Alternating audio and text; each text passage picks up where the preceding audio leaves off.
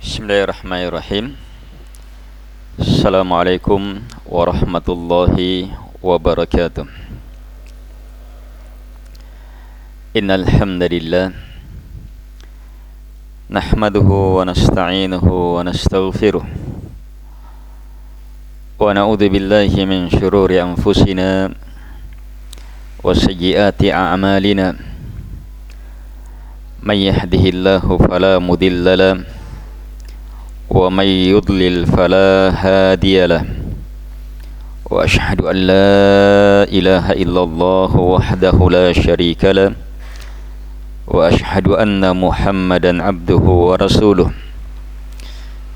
يا أيها الذين آمنوا اتقوا الله حق تقاته. ولا تموتن إلا وأنتم مسلمون. يا أيها الناس اتقوا ربكم الذي خلقكم من نفس واحدة وخلق منها زوجها وبث منهما رجالا كثيرا ونساء واتقوا الله الذي تساءلون به والأرحام إن الله كان عليكم رقيباً يا أيها الذين آمنوا اتقوا الله وقولوا قولا سديدا يصلح لكم أعمالكم ويغفر لكم ذنوبكم ومن يطع الله ورسوله فقد فاز فوزا عظيما. أما بعد فإن أصدق الحديث كتاب الله. وخير الهدي هدي محمد صلى الله عليه وعلى آله وسلم. وشر الأمور محدثاتها وكل محدثة بدعة وكل بدعة ضلالة وكل ضلالة في النار. معاشر المسلمين والمسلمات جماعة pengajian yang dimuliakan oleh Allah Subhanahu wa taala.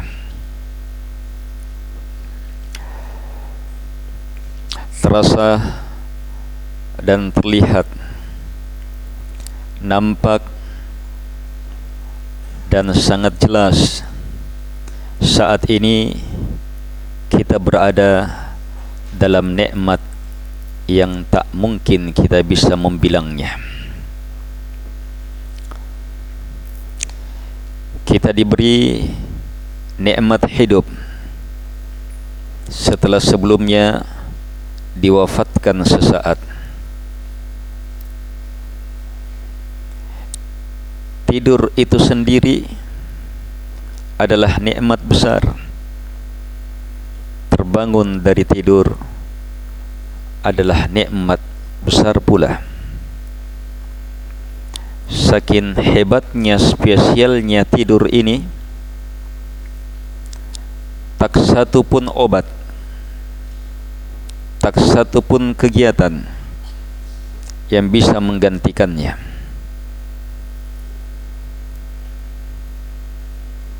Tidur adalah nikmat besar. Terbangun dari tidur nikmat besar yang lain saat terbangun kita mengucapkan pujian kepada pemberi nikmat. Ini nikmat terbesar tersendiri. Kemuliaan yang sangat agung tersendiri. Setelah kalimat pujian kita teringat untuk beribadah. Mendekatkan diri kepada Allah Subhanahu wa taala ini kemuliaan tersendiri yang merupakan maksud penciptaan kita. Lebih hebat lagi, kita telah diberi saat ini ibadah-ibadah yang beragam yang setiap ibadah sangat besar kebaikannya. Ada solat malam, ada witir, ada dua rakaat subuh. Ada solat subuh. Ada dikir doa salawat tahlil tahmid dan seterusnya. Satu dari ini sudah lebih baik dari dunia beserta segala isinya. Lebih baik dari seluruh kekayaan yang ada di kota Makassar. Berupa jabatan. Berupa bangunan. Emas perak. Seluruh kekayaan. Rakaat al-fajr khairum minad dunya wa ma fiha. Dua rakaat subuh itu lebih baik dari dunia beserta segala isinya. Sering kita dengar, tapi tidak semua yang mendengar memahami, dan tidak semua yang paham betul-betul meyakininya, dan keyakinan seseorang di dalamnya berjenjang-jenjang. Itu pun orang-orang terpilih saja yang diberi kesempatan untuk mewujudkannya. Banyak orang yang menginginkannya tapi tidak semua diberi kesempatan diberi nikmat untuk melakukannya. Allah telah memberi kepada kita dua rakaat subuh ini. Kalau dua rakaat subuhnya saja sudah seperti ini sunnah singkat terus bagaimana lagi dengan solat subuhnya? Sehingga terlihat jelas kebaikan yang tiada tandingannya berkah yang berlipat-lipat iya dalam suasana subuh ini.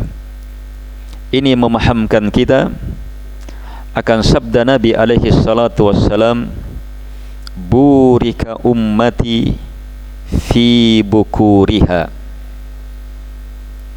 Allahumma barik ummati fi bukuriha. Ya Allah berkahi berkati umatku di waktu bukrah waktu masuk subuh sampai sebelum matahari muncul. Sebab di situ terkumpul sebab berkah yang tak tertandingi. Amalan berkah yang tak tertandingi. Kemuliaan yang berberkah yang tak tertandingi. Yang menunjukkan sebab-sebab bertambahnya nikmat. Tapi kapan nikmat subuh ini dicabut? Maka bencana besar bagi hamba tidak bersemangat di waktu subuh tidak bersemangat untuk berjamaah. Iya, tidak bersemangat untuk meraih beragam kebaikan di dalamnya. Maka itu tanda-tanda hamba berada dalam bencana yang sebenarnya.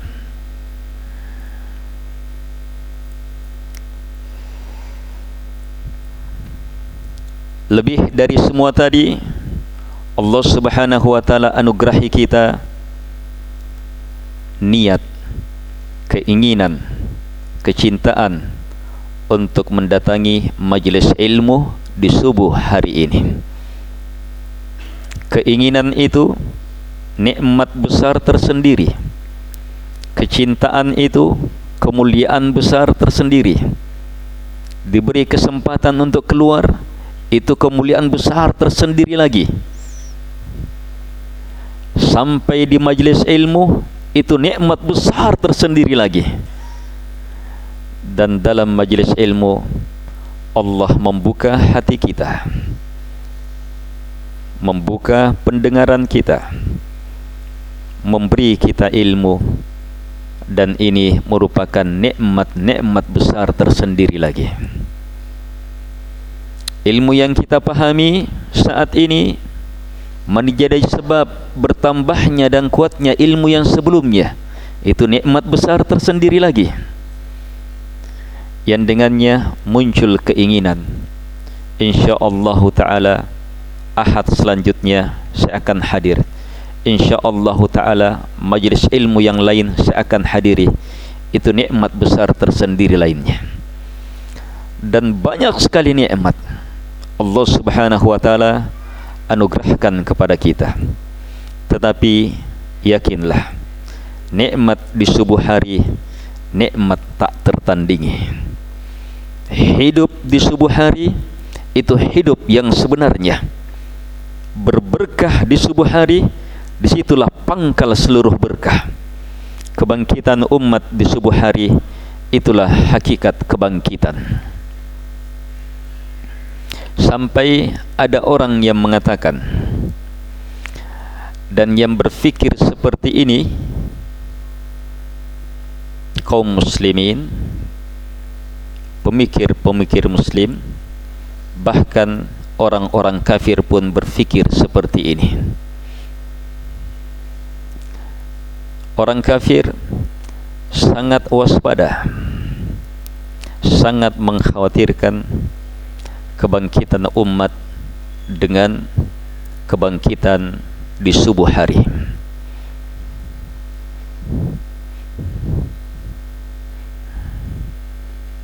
Saat kita mampu bangkit di subuh hari berarti kita mampu terlepas dari sihir syaitan belenggu syaitan. Nabi alaihi salatu wassalam menjelaskan setiap hamba yang tertidur syaitan belenggu dengan tiga belenggu. Ikat dengan tiga simpul. Ikat dengan tiga simpul. Simpul yang pertama iya akan terlepas. Simpul yang pertama akan terlepas saat kita terjaga dengan azankah dengan zikir terjaga. Astaghfirullah. La ilaha illallah. Allah akbar. Atau terdengar azan. Situ terlepas satu simpul. Tapi masih ada dua simpul. Makanya yang terjaga masih memungkinkan tertidur lagi. Kalau hanya sekedar eh terjaga sesaat masih ada dua simpul ikatan sihir syaitan. Kalau dia lanjutkan dengan bangun membaca doa tidur bangun berwudu maka lepas lagi satu simpul.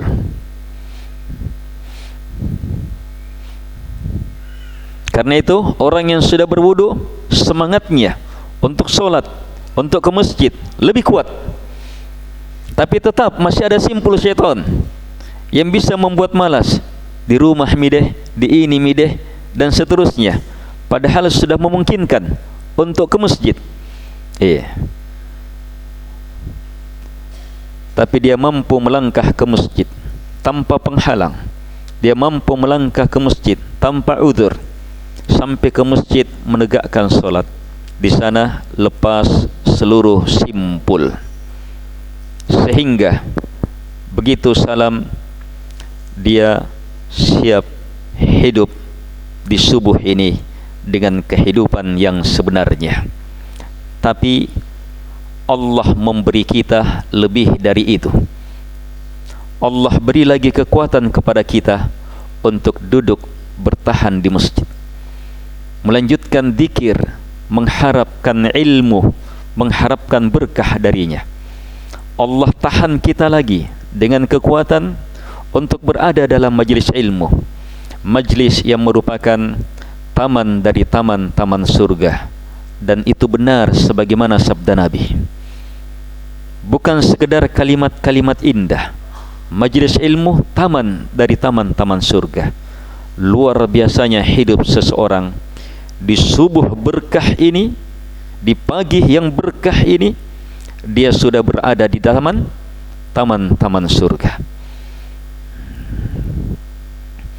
Majlis ilmu di subuh ini kita giatkan satu dan maksud terbesarnya dari maksud-maksud yang lainnya adalah untuk menggiatkan kaum muslimin ahlus sunnah wal jamaah salafiyun untuk meraih berkah ini sebab disinilah hasil dari ilmu kita.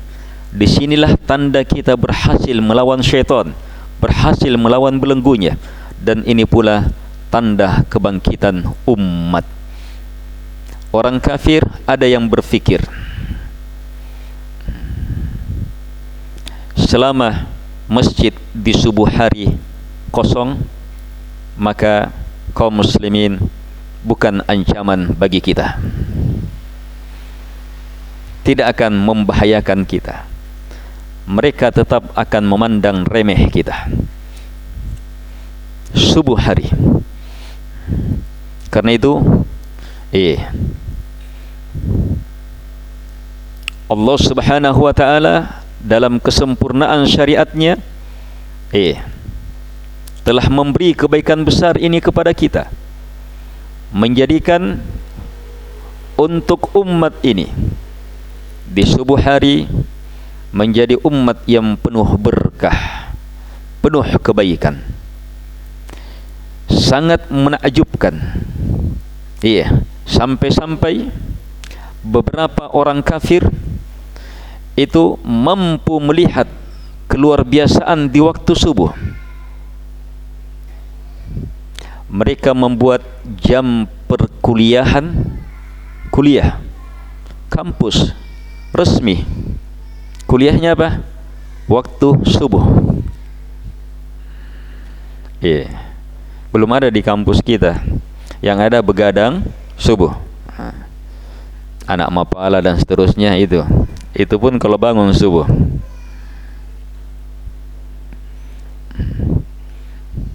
Tapi di sana di negara-negara besar iya kampus-kampusnya di antara mereka memahami keluar biasaan waktu subuh ini.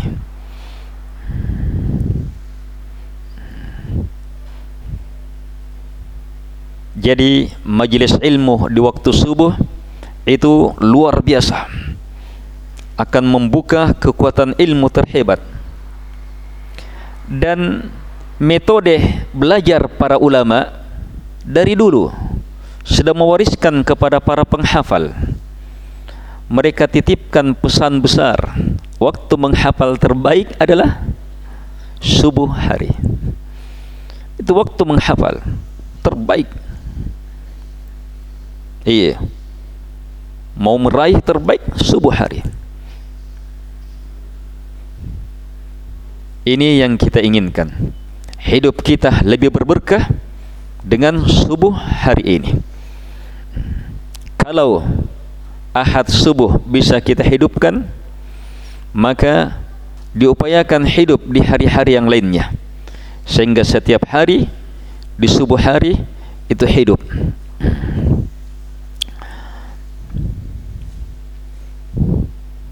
Kaum muslimin dan muslimat yang dimuliakan oleh Allah Subhanahu wa taala.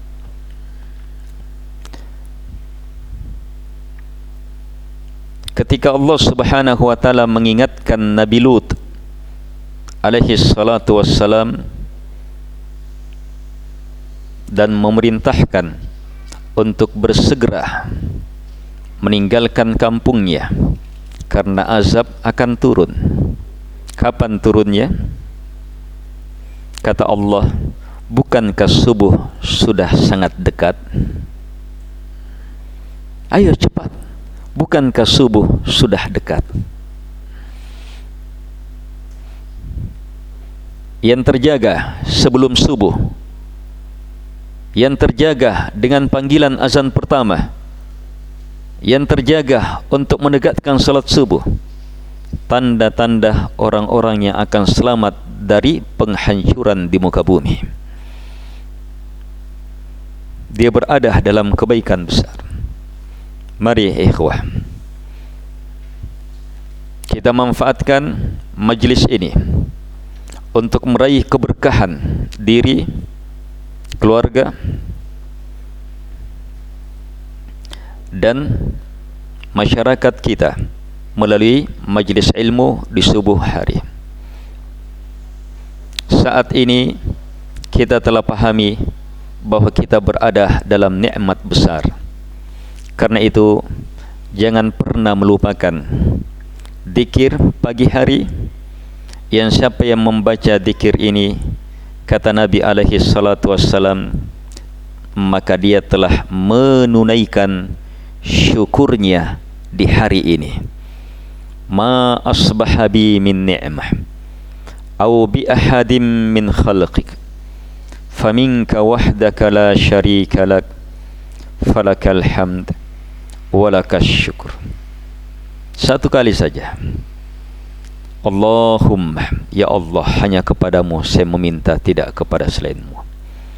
Ma asbahabi apapun yang di subuh ini min ni'mah berupa nikmat pun nikmat apapun yang saya rasakan. Au bi ahadin min khalqik atau yang dirasakan oleh siapapun dari makhlukmu.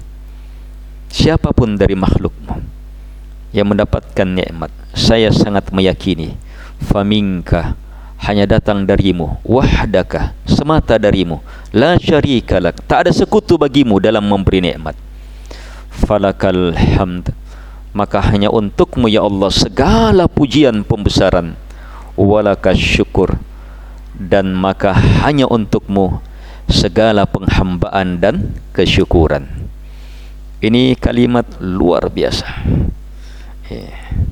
hanya keluar biasaan kalimat ini saat kita mampu melihat nikmat demi nikmat minimal yang tadi itu nikmat-nikmat besar yang kita paparkan. Ingat, wah, alhamdulillah, alhamdulillah. Dan dia mampu melihat pula nikmat orang lain. Oh, Yanu juga bisa bangun, Yanu juga. Alhamdulillah, alhamdulillah. Baiknya Allah, semua datang dari Allah. Itu menghancurkan hasad. Kemampuan melihat nikmat orang lain itu menghancurkan hasad. Mampu meyakini hanya datang dari Allah tidak yang lainnya menghancurkan hasad. Mampu memuji Allah atas nikmat pada dirinya dan orang lain itu betul-betul melenyapkan hasad. Mampu mewujudkan kesyukuran dan penghambaan kepada Allah atas nikmat pada dirinya dan nikmat orang lain betul-betul melenyapkan dengan selenyap-lenyapnya hasad itu dan merubahnya menjadi kesyukuran sifat rahmah sifat ihsan kepada hamba-hamba Allah Subhanahu wa taala. Akan lebih hebat lagi kalau saat kita mampu mengingat nikmat-nikmat itu kemudian kita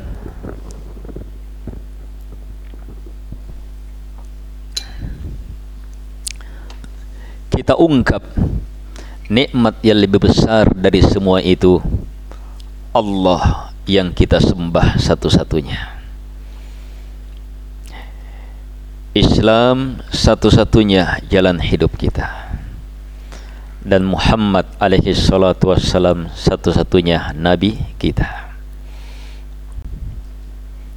Saat kita terbangun membaca doa bisa solat dua rakaat atau witir solat subuh dua rakaat sebelumnya solat subuh. Ingat semua nikmat itu? Yang semuanya kita peruntukkan hanya kepada Allah. Lahir ucapan Raditu billahi robba Kita rasakan kebaikan beribadah kepada Allah Sehingga semakin mantap kita katakan Saya betul-betul ridho. Puas Dan tidak akan pernah memilih lagi Dia Sebagai satu-satunya yang saya sembah. Tidak ada lagi selainnya yang kita pilih. Ridha kita hanya kepadanya.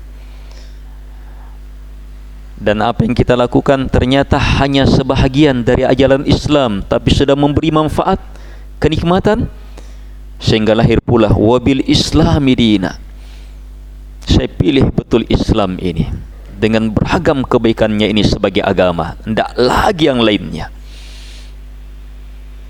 Dan saat kita sadari semua itu adalah ajaran baginda Rasul Muhammad alaihi salatu wassalam maka semakin memantapkan kita dalam dikir pagi kita wa bi Muhammadin sallallahu alaihi wasallam nabiyya. Siapa yang membaca ini kata nabi tiga kali pagi dan petang hari kana haqqan 'ala Allah ayyurdiyah atau kama qala alaihi salatu wassalam. Maka pasti pasti Allah akan meridai dia. Dipastikan dapat ridha Allah. Dan ridha Allah itu apa? Puncak pencarian hamba apa yang kita cari? Ridha Allah. Itu puncaknya. Ridha Allah subhanahu wa ta'ala. Allah ridha kepada kita. Kita meridainya dengan kalimat-kalimat tadi. Nabi pastikan melalui wahyu dari Allah Allah pasti akan meridaimu. Tidak semua orang yang menyatakan ridha kepada Allah itu mendapatkan ridha Allah tapi melalui kalimat ini eh kita akan mendapatkan ridha Allah Subhanahu wa taala.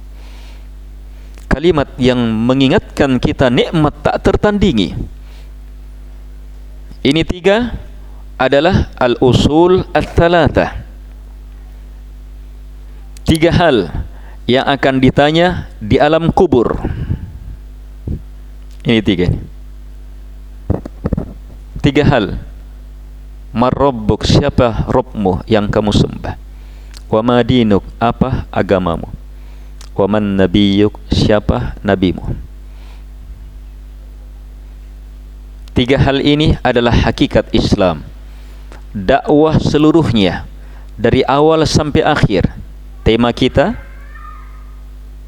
Iya merajuk kebersamaan dalam dakwah memberi ilmu-ilmu mendasar penting dalam dakwah antum terlibat dalam dakwah harus betul-betul paham ke mana arah antum. Kepada tiga ini. Untuk memahami dan memahamkan orang. Untuk mengilmui dan menyebarkan. Untuk meyakini serta mengamalkan bahawa Allah satu-satunya yang sesembah tidak yang lainnya. Islam satu-satunya agama saya tidak yang lainnya Nabi Muhammad alaihi salatu wassalam satu-satunya yang saya ikuti. Harus itu saja. Dijadikan sebagai ucapan pagi dan sore dan dipastikan dapat ridha Allah Subhanahu wa taala. Benar. Eh ini benar. Semua kebaikan kita akan berubah betul kalau kita baca doa ini dengan ilmu dengan keyakinan apalagi dengan metode tadi. Kita ingat nikmat. Weh Allah. Langsung terasa raditu billahi rabba.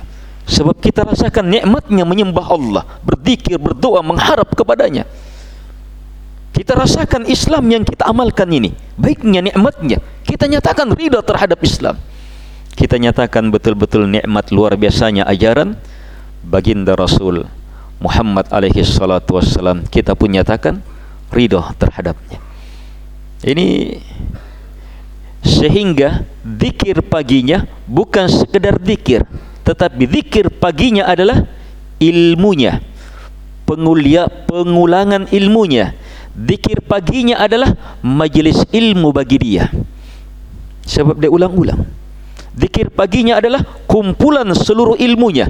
Dikir paginya adalah kesyukurannya. Dikir paginya adalah doanya. Dikir paginya adalah kekuatan dakwahnya. Yang semuanya akhirnya berubah menjadi berkah baginya. Lihat apa kata Nabi alaihi salatu wassalam bagi hamba yang mengucapkan kalimat ini. Raditu billahi rabba wa bil islami dina wa bi Muhammadin sallallahu alaihi wasallam nabiyya. Kata beliau alaihi salatu wassalam ana za'im sayalah penjaminnya. Ana za'im sayalah penjaminnya.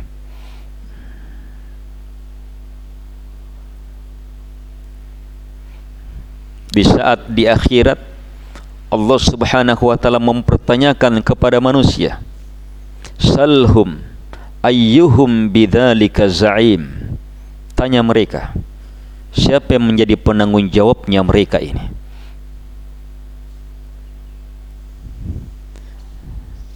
Setiap yang menyembah selain Allah setiap yang mengikuti selain Nabi dan Rasul akan didatangkan untuk bertanggungjawab dan menjamin penyembah dia dan pengikutnya.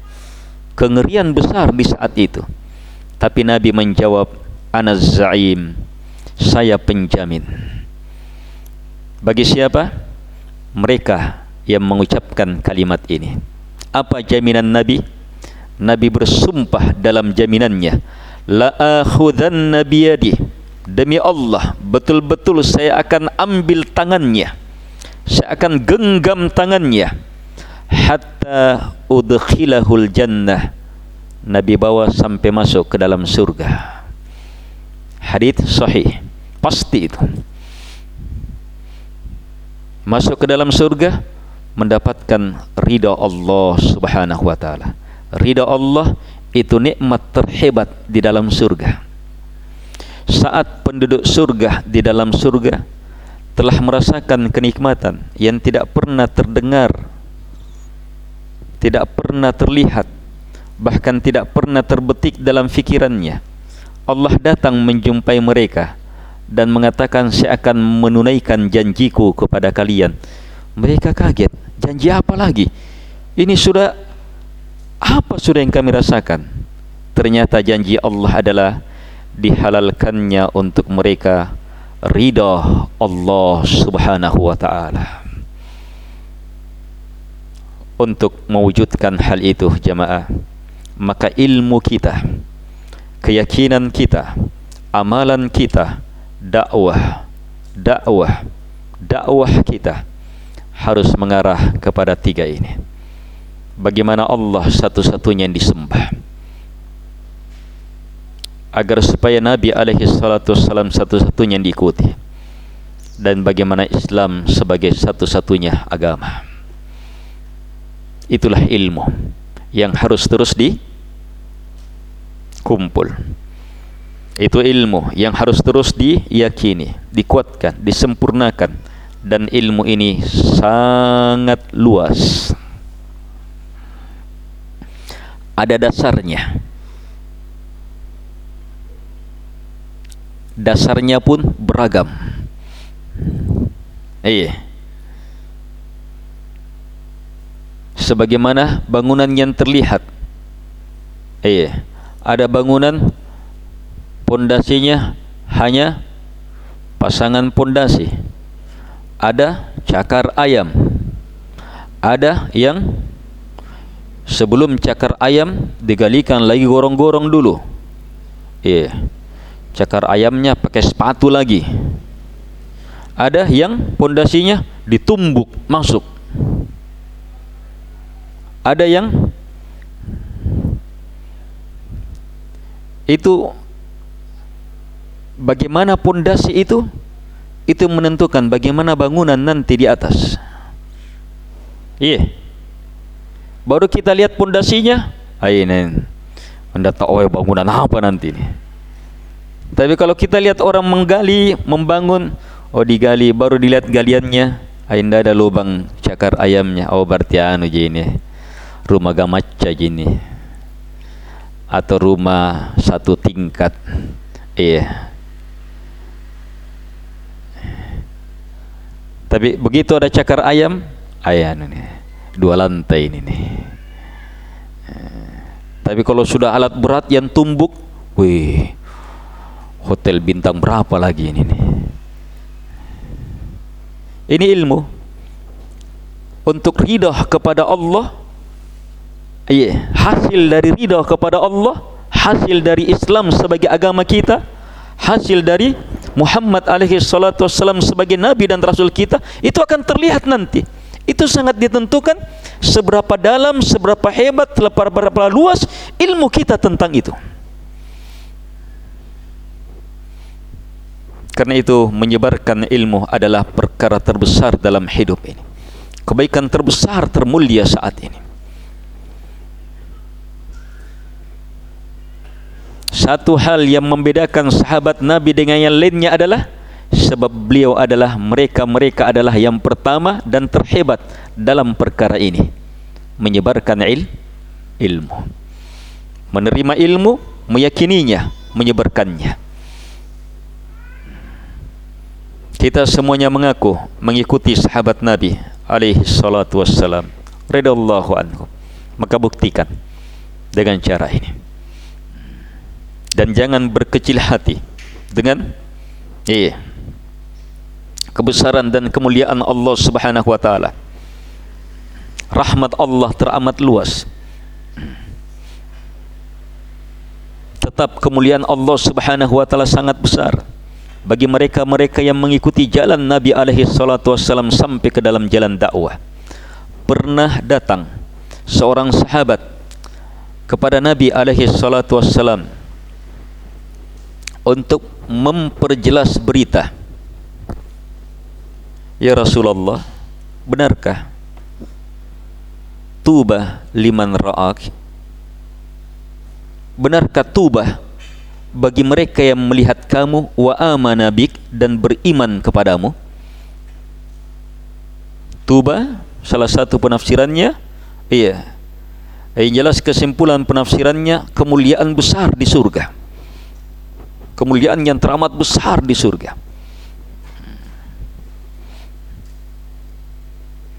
Tanya bagi mereka yang melihat engkau dan beriman kepadamu kata Nabi benar.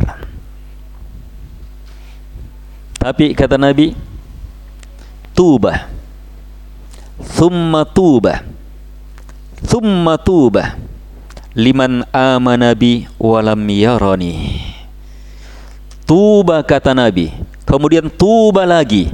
Kemudian tuba lagi bagi mereka yang beriman kepadaku dan belum pernah melihatku. Alaihi salatu wassalam. Kesempatan besar bagi kita meraih tubah yang berlipat-lipat ini. Dan kesempatan itu akan sangat nampak bagi yang menempuh jalan Nabi Qul hadhihi sabili ad'u ila Allah ala basirah. Ana wa man ittaba'ani. Al ayah sampaikannya Muhammad inilah jalanku. Apa jalan nabi? Saya berdakwah hanya kepada Allah. Di atas basirah ilmu yang sangat jelas. Ana wa man ittaba'ani. Ini jalannya saya dan orang-orang yang mengikuti saya. Jalannya saya dan orang-orang yang mengikuti saya ini pengikut spesial yang mengikuti Nabi sampai dalam dakwah. Sudah lewat di awal pertemuan sedikit tentang kemuliaan dakwah. Tetapi di sana kita ingatkan bahaya besar menanti saat dakwah itu tidak di atas ilmu. Kemuliaannya tak tertandingi wa man ahsanu qawlan mimman da'a ila Allah al ayah tak ada yang lebih indah lebih hebat lebih luar biasa dari ucapan mereka-mereka yang menyeru berdakwah kepada Allah Subhanahu wa taala. Ada lebih hebat dari itu. Tapi bersamaan dengan itu eh ada pelanggaran yang paling mengerikan. Ada dosa yang bahkan lebih besar dari syirik menanti saat orang salah dalam berdakwah salah dalam berdakwah bahkan lebih besar dari syirik. Apa itu? Al-qaul ala Allah bila ilm berkata atas nama Allah tanpa ilmu. Berkata atas nama Allah Subhanahu wa taala tanpa il ilmu.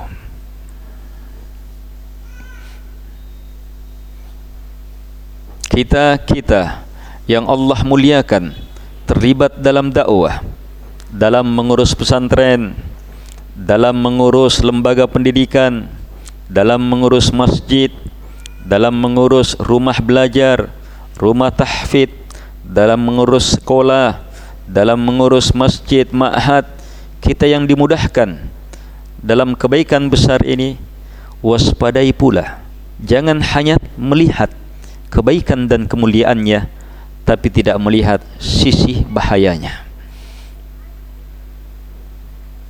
Harus berfikir sebagaimana orang yang solat dengan solat benar berfikir. Bagaimana orang solat yang benar berfikir? Dia solat karena melihat kemuliaannya dan dia tegakkan solat sesuai dengan syarat-syarat rukun-rukun dan ketentuannya. Serta dia hindari apa? Hal-hal yang bisa membatalkannya jangan hanya berfikir hebatnya solat hebatnya solat saya akan dapat ini dengan ini karena solat saya. Tapi tidak mau berfikir untuk berwudu.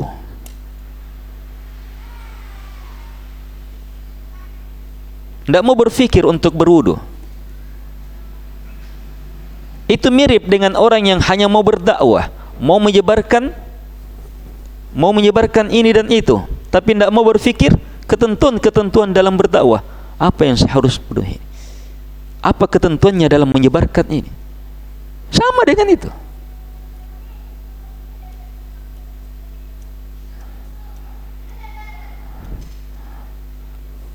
Kita solat lengkap dengan fikiran kita. Iya solatnya harus begini harus begini harus begitu. Rakaatnya jangan tambah jangan kurangi jangan solat subuh tiga rakaat empat rakaat. Solat duhurnya dijadikan tiga rakaat.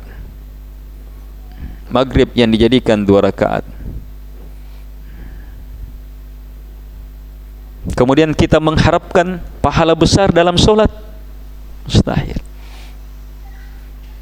Siapa yang berfikir seperti itu Maka itu juga yang menimpa orang yang hanya mau berdakwah Hanya mau mengurus taklim Hanya mau membangun tempat pendidikan Iya dan seterusnya. Tetapi tidak mau berfikir Bagaimana ketentuan-ketentuan dalam dak dakwah.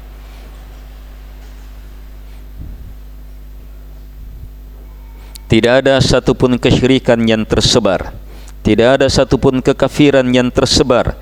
Tidak ada satupun kebatilan yang tersebar Kecuali karena ada da'i kepada kesesatan-kesesatan ini Ada ucapan.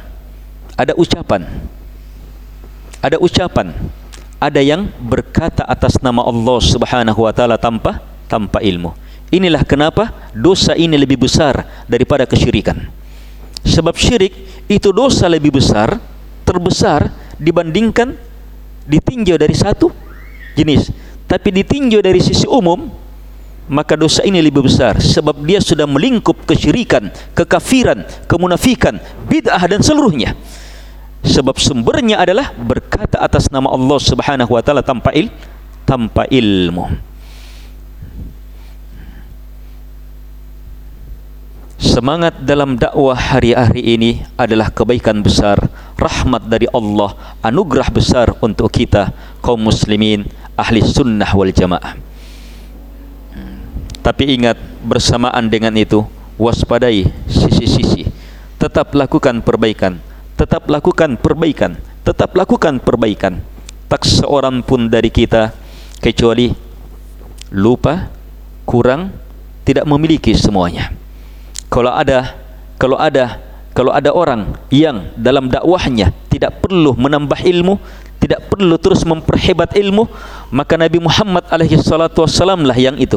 Tapi ternyata nabi saja justru diperintah secara khusus untuk menambah ilmu. Wa qur rabbi zidni ilma. Baca ya Muhammad wahai rabbku tambahkan ilmu untukku. Bahkan perintah khusus untuk Nabi alaihi salatu wassalam yang merupakan kewajiban bagi setiap umat seluruhnya. Apa itu? Fa'lam annahu la ilaha illallah. Maka ilmuilah ya Muhammad bahawa la ilaha illallah. Nabi disuruh apa? Disuruh mengilmui lagi la ilaha illallah. Dalam dakwah jamaah harus terus kita perbaharui kemana la ilaha illallah kita. Sebelum orang lain yang kita miliki harus diperbaharui terus. Sebab ini berhubungan dengan niat maksud kita. Kali ini berpaling melenceng la ilaha illallah. Semakin besar dakwah semakin berat. Semakin berat. Semakin berat. Kita berdakwah dakwahi satu orang. Dakwahi satu orang. Eh. Awal-awal dakwah eh.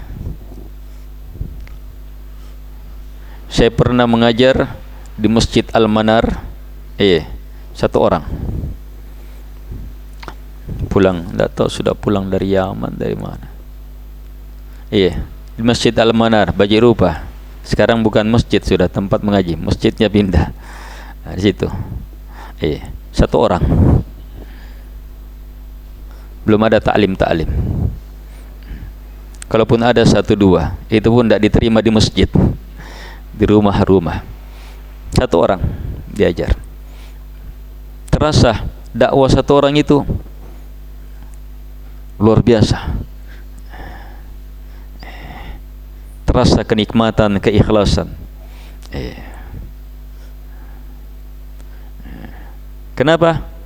Tidak ada tidak ada cobaannya kurang cobaannya. Kurang cobaan ketenaran kurang cobaan riaknya. Kurang cobaan sumahnya. Kurang cobaan hartanya. Siapa yang mau ini juga je? Ada orang lain. Hartanya dari mana? Ini juga je. Dari yang lain. Tidak ada keikhlasan Masya Allah tapi bertambah dua orang bertambah semakin berat. Kalau tidak semakin bertambah la ilaha illallah ilmunya kita akan tergilas kita akan tersingkir.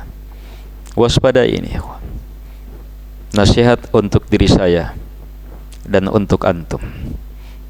Antum terlibat dalam dakwah haram seharam-haramnya eh melupakan la ilaha illallah. Menyepelekan la ilaha illallah. Bahkan wajib sewajib-wajibnya untuk terus mengingat ini menambah ilmu ini mengokohkan ilmu ini sebab dakwah kita memang hanya ke sini. Tidak ada yang lainnya. Hanya kepada la ilaha illallah. Tegaknya la ilaha illallah. Ad'u ilallah. Itu syaratnya. Sampaikan ya Muhammad apa itu? Inilah jalanku. Apa jalannya? Ad'u saya berdakwah. Ilallah hanya kepada Allah. Apa maknanya ilallah? Kepada la ilaha illallah. Ini berat Nabi diwajibkan oleh Allah terus tambah ilmu. Sebab umat semakin banyak cobaan semakin besar. Yang menggelincirkan itu semakin mengerikan.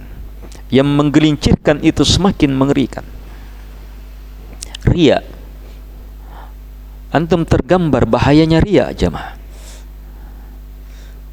Coba cermati sabda Nabi alaihi salatu wassalam syirik yang akhfa min dabibin naml fi lailatin dhulma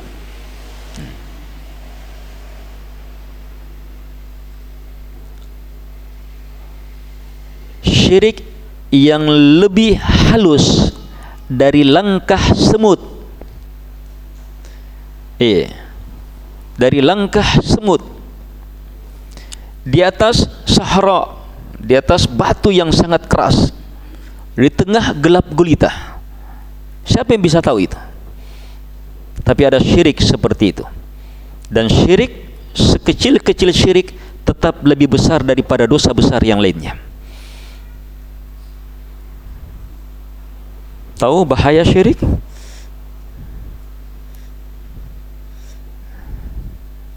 Ingin dilihat. Iya. Kalau pengajian satu dua orang itu tidak perlu ada yang muncul-muncul. Tapi kalau sudah banyak, eh, mulai banyak yang mau maju itu. Mulai banyak yang muncul. Mulai banyak yang ya macam-macam. Mau jadi tukang parkirnya kah?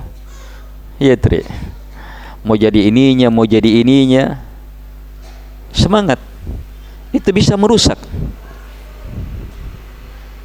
iya yeah. Ada lihat oh ya anu tahu yang mengatur ya anu tahu. Itu yang tukang parkir saja terkena itu. Terus gimana lagi yang ketua panitia? Gimana lagi yang donatur? Gimana lagi yang ustad bisa hancur semua amalan dengan ria itu.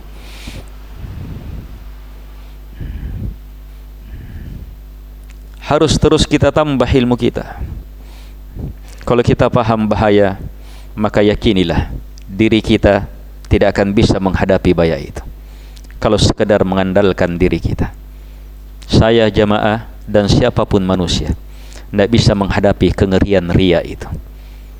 Yang bisa menyelamatkan kita hanya satu Allah subhanahu wa ta'ala. Karena itu menghadapi ria harus terus meminta kepada Allah supaya dikokohkan di atas keikhlasan jadikan doa dan sahabat kita doa ini jadikan sahabat kita. Allahumma ya muqallibal qulub thabbit qalbi ala dinik. Wahai yang membolak-balikkan hati kokohkan hatiku di atas agamamu. Baca doa perlindungan khusus dari riya. Eh Allahumma inni a'udzu bika an usyrika bika wa ana a'lam wa astaghfiruka lima la a'lam. Perbanyak doa ini Allahumma inni ya Allah hanya kepadamu saya meminta. Inni a'udzu bika. Sungguh saya minta perlindungan penjagaan hanya kepadamu. Inni a'udzu bika. Dari apa? An usyrika bika. Dari melakukan kesyirikan apapun wa ana a'lam dalam keadaan saya tahu. Wa astaghfiruka lima la a'lam. Dan saya tetap meminta ampunan kepadamu ya Allah terhadap apa yang saya tidak tahu ini menyelamatkan melindungi diri dari apa dosa syirik besar dan kecil harus terus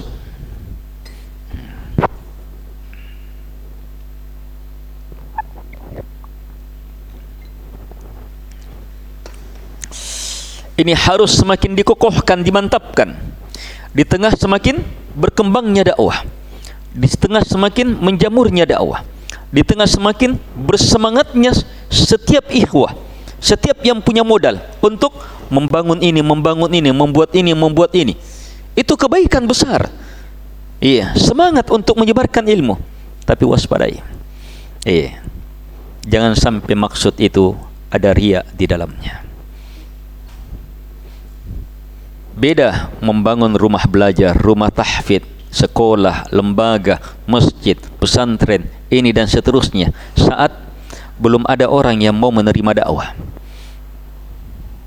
Tidak ada orang yang mau menerima dakwah. Dakwah halus sunnah, tidak ada yang menerima, tidak ditahu. Dakwahnya salafiyun, tidak ditahu, tidak ada yang menerima. Ada yang mau membangun? Oh, siapa yang mau membangun? Yang mau datang saja tidak ada.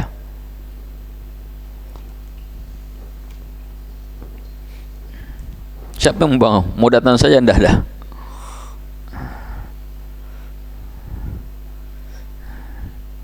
Dengan kondisi sekarang gimana? Hati-hati membangun karena sekedar ingin memanfaatkan orang. Karena orang, karena ingin dilihat. Itu merusak bangunan dari awal. Awal dakwah ada riak, hancur, tidak ada pahala sama sekali awal amalan awal amalan ada ria hancur amalan ayo ingat pembahasan ria apa hukum pembahasan ria satu. Ria ghalidah ria ria sum'ah. Ini hukumnya. Ria sum'ah. Apa itu? Menginginkan dengan amalannya pujian manusia. Dia inginkan dengan amalannya pujian manusia. Hukum-hukumnya sebagai berikut. Ada ghalidah sangat kental. Hampir semua amalannya hanya dihirupkan hampir semua amalannya hanya diharapkan pujian orang. Ini apa ria hukumnya syirik akbar. Jadi ada ria hukumnya syirik akbar. Ini dia. Ini ria nifak. Riaknya orang munafik. Ini hukumnya syirik akbar. Hampir semua amalannya pujian orang di situ yang diinginkan. Yang kedua hukum ria hanya menimpa sebahagian amalan. Hanya menimpa sebahagian amalan. Para ulama ingatkan sebahagian amalan yang paling rentang terhadap ria adalah amalan yang memberi manfaat kepada orang. Sedekah bangunan ini dan yang memberi manfaat punya hubungan dengan orang. Dakwah wa apalagi itu paling rentang ria di dalamnya. Beda kalau dia solat sendiri. Eh kurang riaknya. Sebab hanya untuk dirinya. Solatnya tidak bermanfaat bagi orang lain. Tapi ketika ada manfaat bagi orang lain, ada yang diharapkan pujiannya. Ini. Hukum yang kedua, dia inginkan misalnya dia bersedekah atau dia solat, dia inginkan dengan solatnya dia inginkan dengan solatnya pujian manusia semata maka solatnya batal wajib dia ganti. Solatnya batal dan dia berdosa dengan dosa apa? syirik asgar syirik ini mengalahkan dosa besar yang lainnya membunuh, berzina, minum dan seterusnya. Hukum ketiga iya dia solat, dia bersedekah bercampur niatnya. Dia mengharapkan pujiannya Allah dan dia juga mengharapkan pujiannya manusia. Dia mau solat, dia mau bersedekah dia inginkan pujiannya Allah dia inginkan juga pujiannya manusia. Maka ini apa? sama dengan yang kedua hukumnya batal solatnya. Dia telah melakukan kesyirikan. Kenapa? sebab ada dalam asal dalam pangkal ibadahnya dalam asal ibadahnya termasuk ibadah dakwah dalam pangkal ibadahnya ada keinginan apa? ada keinginan untuk dipuji. Hukum selanjutnya riak muncul bukan di asal. Riak muncul bukan di asal. Dia misalnya solat solat rakaat pertama ikhlas hanya kepada Allah. Tidak ada yang lain. Rakaat kedua ikhlas hanya kepada Allah. Solat duhur. Dia solat duhur di eh, orang kantor solat duhur di masjid kantor. Di situ biasa solat kepala dinas dan kepalanya kepala dinas. Eh. Biasa solat di situ. Dua rakaat. Masuk rakaat ketiga eh datang kepala dinasnya solat di sampingnya. Dan pas lagi ada yang dia minta tanda tangannya sama kepala dinas. Dan dia tahu kepala dinas itu woi suka orang yang solat. Woi muncul. Syaitan memanfaatkan untuk apa? Kepala dinas. Muncul keinginan ingin dipuji.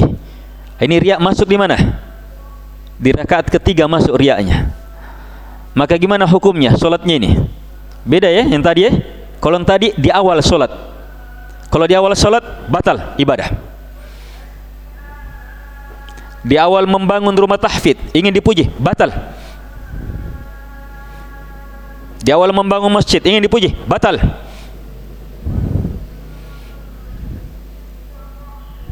Di awal mendirikan lembaga ingin dipuji batal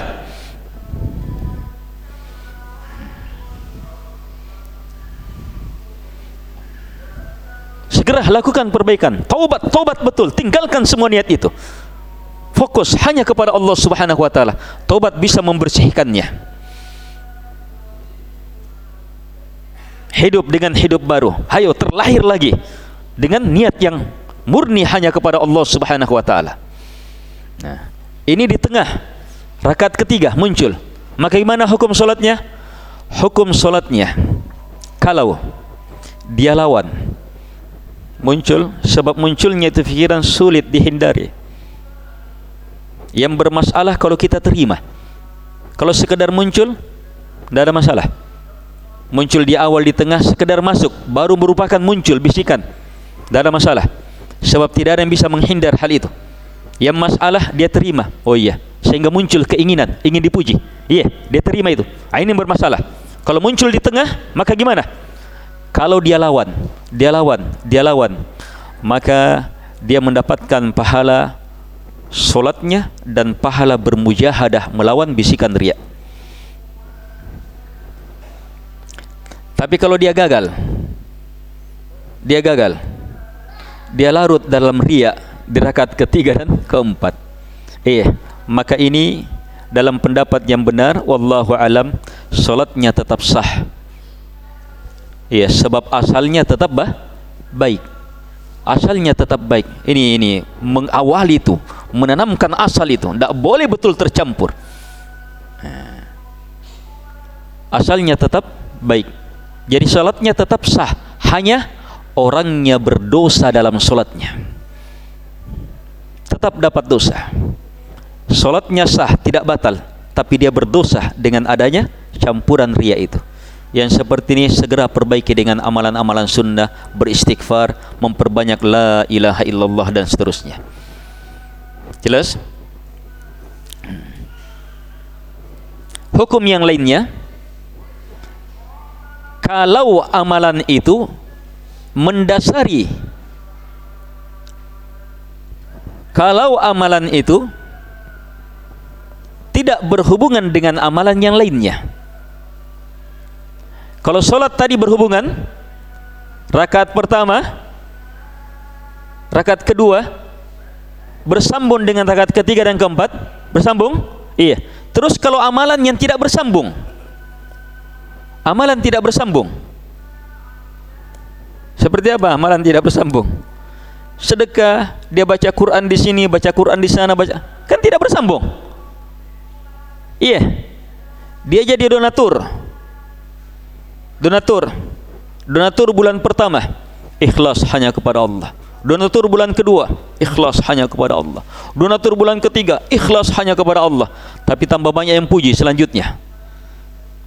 Eh apalagi sering dimunculkan namanya. Ah, sumbangan bulan keempat mengharapkan pujian manusia. Maka batal. Tidak ada nilainya yang keempat tapi kedua dan ketiga tetap sebab tidak ter tidak terhubungkan. Jelas ini? Baik. Lihat yang lain. Yang lain.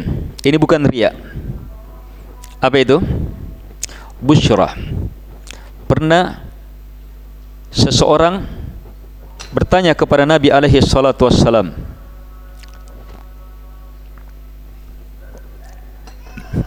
Apa itu ada orang beramal. Ada orang beramal. Amalannya baik dan dipuji oleh kaum muslimin. Amalan bagus dipuji oleh kaum muslimin. Pujian itu sampai kepada dia dan dia senang. Bagaimana amalannya? Kata nabi yang seperti ini tilka ajilah busyral mu'min. Yang itu adalah al-ajilah. Pahala segera itu pahala pendahuluan itu. Busra khabar gembira bagi orang yang beriman. Jadi itu pahala dari Allah dan pendahuluan dari Allah untuk informasi kepada orang yang beramal ini bahawa Allah sukai amalanmu. Itu bukan riak. Dia sudah selesai beramal dipuji oleh orang. Sampai kebujannya itu wajar. Itu kabar gembira kebaikan. Sudah? Tapi yang masalah adalah lihat yang masalah selanjutnya. Amalan selanjutnya. Saat dia sudah rasakan enaknya pujian orang bagusnya itu dipuji. Iya. Sudah ada yang puji amalannya. Apalagi banyak yang puji amalannya amalan selanjutnya gimana? Saat dia baru mau memulai amalan lain. Seperti itu. Di situ sangat berat untuk ikhlas. Sebab kita sudah pernah rasakan tahu? Berat sekali untuk ikhlas. Berat untuk ikhlas. Inilah yang para ulama ungkap ulama-ulama besar mengungkap mereka tidak mengerahkan mujahadah. Lebih hebat seperti mengerahkan mujahadah untuk meluruskan niat menghadapi ria ini. Perjuangan mereka terhebat terhebat menghadapi perkara ini. Ini bagi dai bagi orang yang terlibat dalam dakwah harus menjadi perjuangan paling berat ini untuk itu harus tambah ilmu terus tambah amalan terus perhebat doa terus dan berteman dengan orang-orang yang mengingatkan terus akan keikhlasan ketulusan. Keikhlasan dan ketulusan. Dan saya ingin memberitahu satu teman majlis iya yang akan mengantar hal itu. Apa itu? Majlis orang-orang miskin sering-sering duduk dengan fukara orang-orang miskin? Itu melembutkan hati mengingatkan kita mengokohkan keikhlasan.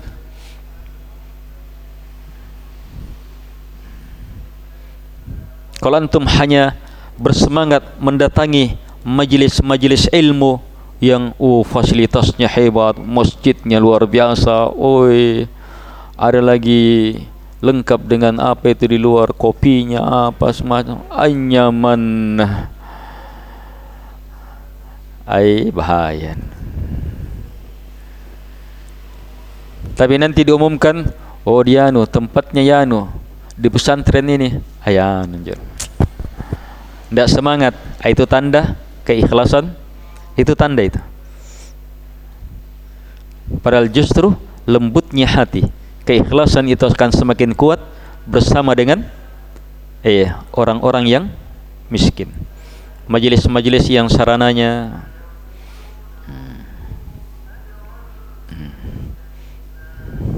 hanya bersamaan dengan itu eh, sebagian ikhwah jangan salah sangka Iya, mungkin ada ikhwah yang saya tidak pernah gubris permintaannya bukan dengan maksud ini insyaallah taala. Iya. Permintaan ke saya banyak sekali. Iya, bukan hanya antum. Iya, masalahnya kekuatan saya tidak bisa. Iya, majelis-majelis yang ada belum bisa lanjut. Iya. Ya, saya terfikirkan majelis inilah yang bisa mengumpul. Iya, bisa bersama dan bisa menyatukan. Nanti kalau kesehatan bisa lebih membaik, lebih kuat insyaallah taala, iya. Ke depan bisa lebih lebih terarah lagi. Baik. Sudah ikhwah, terlihat bagaimana keikhlasan? Iya. Iya. Saya hanya ingin memahamkan di majlis ini, iya. Kita sebagai dai, kita sebagai donatur, kita sebagai pemilik lembaga, kita sebagai sampai kita sebagai tukang parkirnya yang terlibat dalam amalan besar ini ingat keikhlasan itu sangat besar sangat berat. Tapi itulah jalan hidup kita harus kita tempuh. Berat sekali. Mau lihat beratnya? Lihat tadi. Lihat dua ilmu tadi. Ada ria yang tidak terdeteksi. Sangat halus. Kekuatan kedahsyatan ilmu yang bisa mendeteksinya semata dengan pertolongan Allah Subhanahu wa taala. Harus terus tambah ilmu. Cukup takabburnya kita dan berhenti dalam jalan dakwah kalau tidak mau menambah ilmu tentang keikhlasan. Cukup takabur kita kalau kita sudah menganggap sudah ikhlas, sudah selamat dari syirik. Justru tanda orang yang paling ikhlas adalah semakin takut terhadap riya, semakin takut terhadap syirik. Nabi Ibrahim alaihi salatu wassalam siapa yang mengalahkan keikhlasannya siapa yang mengalahkan tauhidnya imamul hunafa imamnya ahli tauhid. Tapi bersamaan dengan itu takutnya beliau terhadap kesyirikan Allah abadikan dalam surah dalam Al-Quran yang teragung. Wajnubni wabaniya an na'budal asnam. Rabbi innahunna adlalna katiran minan nas. Dalam doa beliau diabadikan dalam Al-Quran. Ya Allah jauhkan saya. Saya ya Allah dan anak saya anaknya saya anaknya saya sampai tanpa batas sampai tanpa batas. Jauhkan saya dan mereka turunan-turunan saya. Dari apa? Dari menyembah berhala menyembah selain Allah. Takutnya ini sampai dalam doa. Bukan hanya untuk dirinya dengan turunannya bukan hanya anaknya.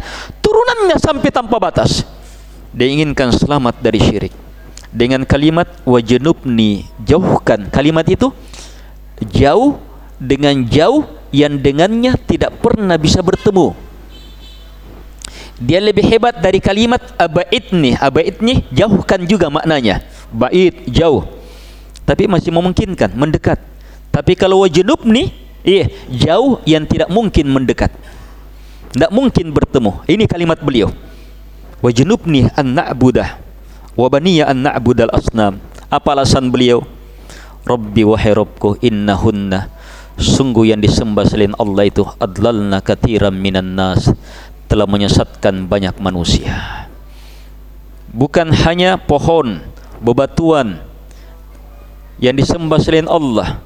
Ingat riak pujian manusia harta benda kedudukan semuanya bisa menjadi berhala-berhala hal-hal yang memalingkan niat. Hmm. harus waspada jangan merasa. Apalagi ilmunya untuk waspada? Itu tadi ilmu. Hukum riak. Kapan? Ayo antum pahami saja satu hukum ini.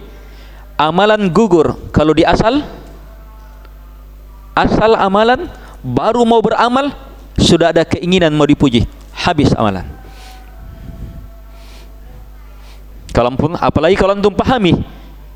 Antum pahami apa ilmu hukum riak yang selanjutnya amalan selanjutnya lebih berat kalau kita selamat di amalan itu amalan selanjutnya lebih berat. Kalau kita selamat di majlis ini dengan jumlah sekian orang, amalan selanjutnya lebih berat dengan jumlah lebih banyak. Lebih berat. Lebih menggugurkan amalan.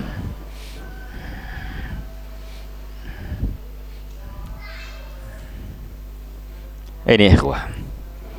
Terakhir, saya ingatkan diri saya dan kepada jamaah. Kalau kita paham ini, maka itu artinya kita perlu orang-orang yang bersama kita. Kita perlu persaudaraan. Eh, untuk memukul beban berat ini. Sulit menghadapi sendiri. Cobaan-cobaan, fitnah-fitnah. Kalau tidak ada yang bersama kita. Karena itu jalan keselamatan dalam dakwah, dalam keselamatan yang Allah sumpahi hanya ini yang selamat wal asr. Innal insana lafi khusr. Apa ya illal ladina amanu.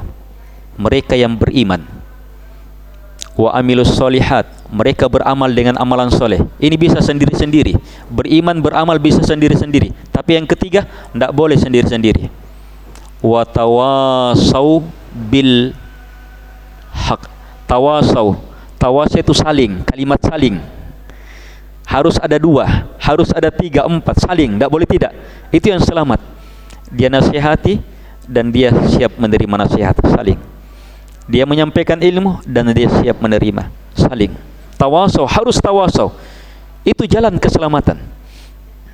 Wa tawasau bis sabar dan saling tawasau untuk bersabar. Iya. Terlalu banyak kisah. Terlalu banyak kisah iya saat ini sebelumnya dan sebelumnya bahkan seterusnya akan terjadi. Orang yang sudah sampai kepada puncak justru hancur di puncaknya.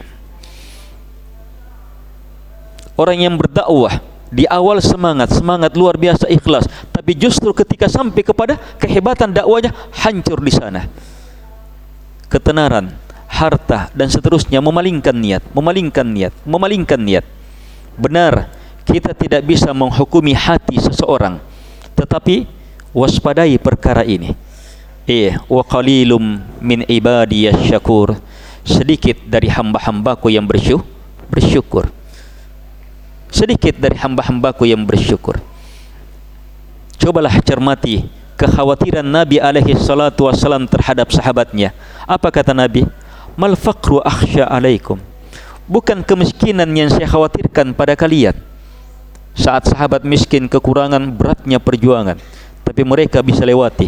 Kata Nabi bukan itu yang saya khawatirkan, tapi yang saya khawatirkan adalah terbukanya dunia. Ini yang saya khawatirkan.